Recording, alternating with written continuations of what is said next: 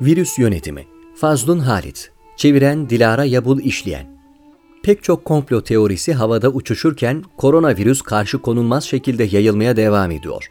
Ancak tefekkür etmek için bir dakikamızı ayırdığımız takdirde meselenin gayet sarih olduğunu fark ediyoruz. Kur'an-ı Kerim'de buyurulduğu üzere, insanların kendi elleriyle yapıp ettikleri yüzünden karada ve denizde düzen bozuldu. Böylece Allah dönüş yapsınlar diye işlediklerinin bir kısmını onlara tattırıyor. İnsanoğlunun şu ana kadar inşa ettiği en büyük medeniyetin içinde yaşadığımızı iddia ediyorduk. Ancak bu ilerleme ne kadar kırılgan ve hassas olduğu şimdilerde daha da ayyuka çıkmış olan gezegenimiz pahasına elde edildi. Dünya üzerindeki muhayyel hükümranlığımız belli ki sadece bir vehimden ibaretmiş. Kendimiz için oluşturduğumuz kağıttan kule şimdilerde sarsılıyor ve zenginlerin yoksulların tecrübelerini yaşaması için sadece bir virüs yetiyor. Koronavirüsün olumlu yanı karantinanın komşuluğu teşvik etmesidir. Topluluk hissi bu sayede daha da güçleniyor.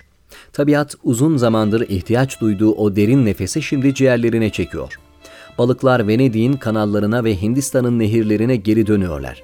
Vahşi hayvanlar boş kentleri keşfediyor.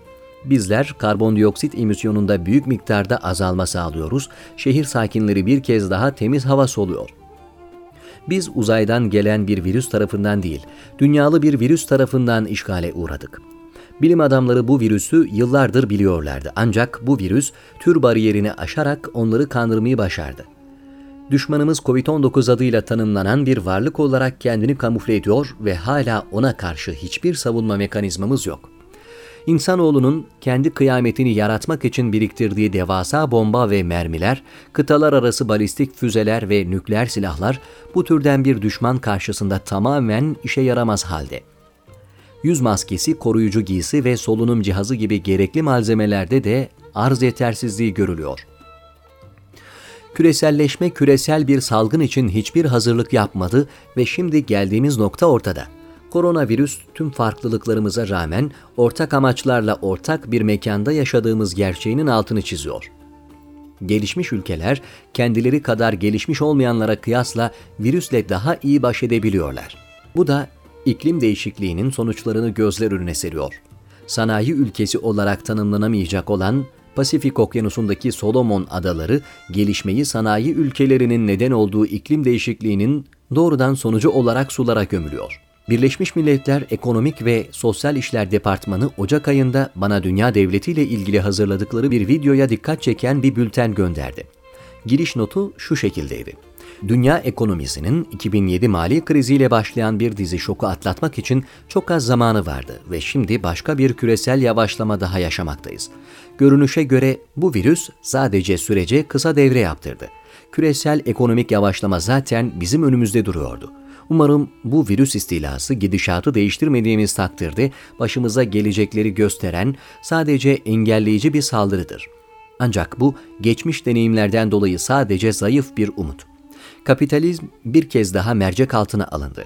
Yazar Naomi Klein iğneleyici şekilde korona kapitalizminden bahsetmekte. Hükümetler şu an insanlarına yaptıkları cömertlikleri nasıl tekrar kazanacak, nasıl toparlanacaklar? Ufukta vergilerin arttığını ve kemer sıkma politikalarının devreye sokulduğunu görür gibiyim.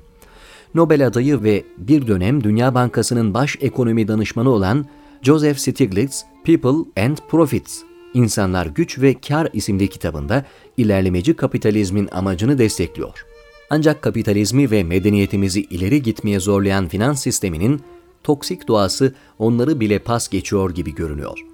Buna dair ipucu UNDESA'nın 2008 yılında küresel sistemi neredeyse çökertecek olan bankaların yarattığı finans krizinin yeniden karşımıza çıkabileceğinden endişe ettiğini ifade etmesinde yatmaktadır.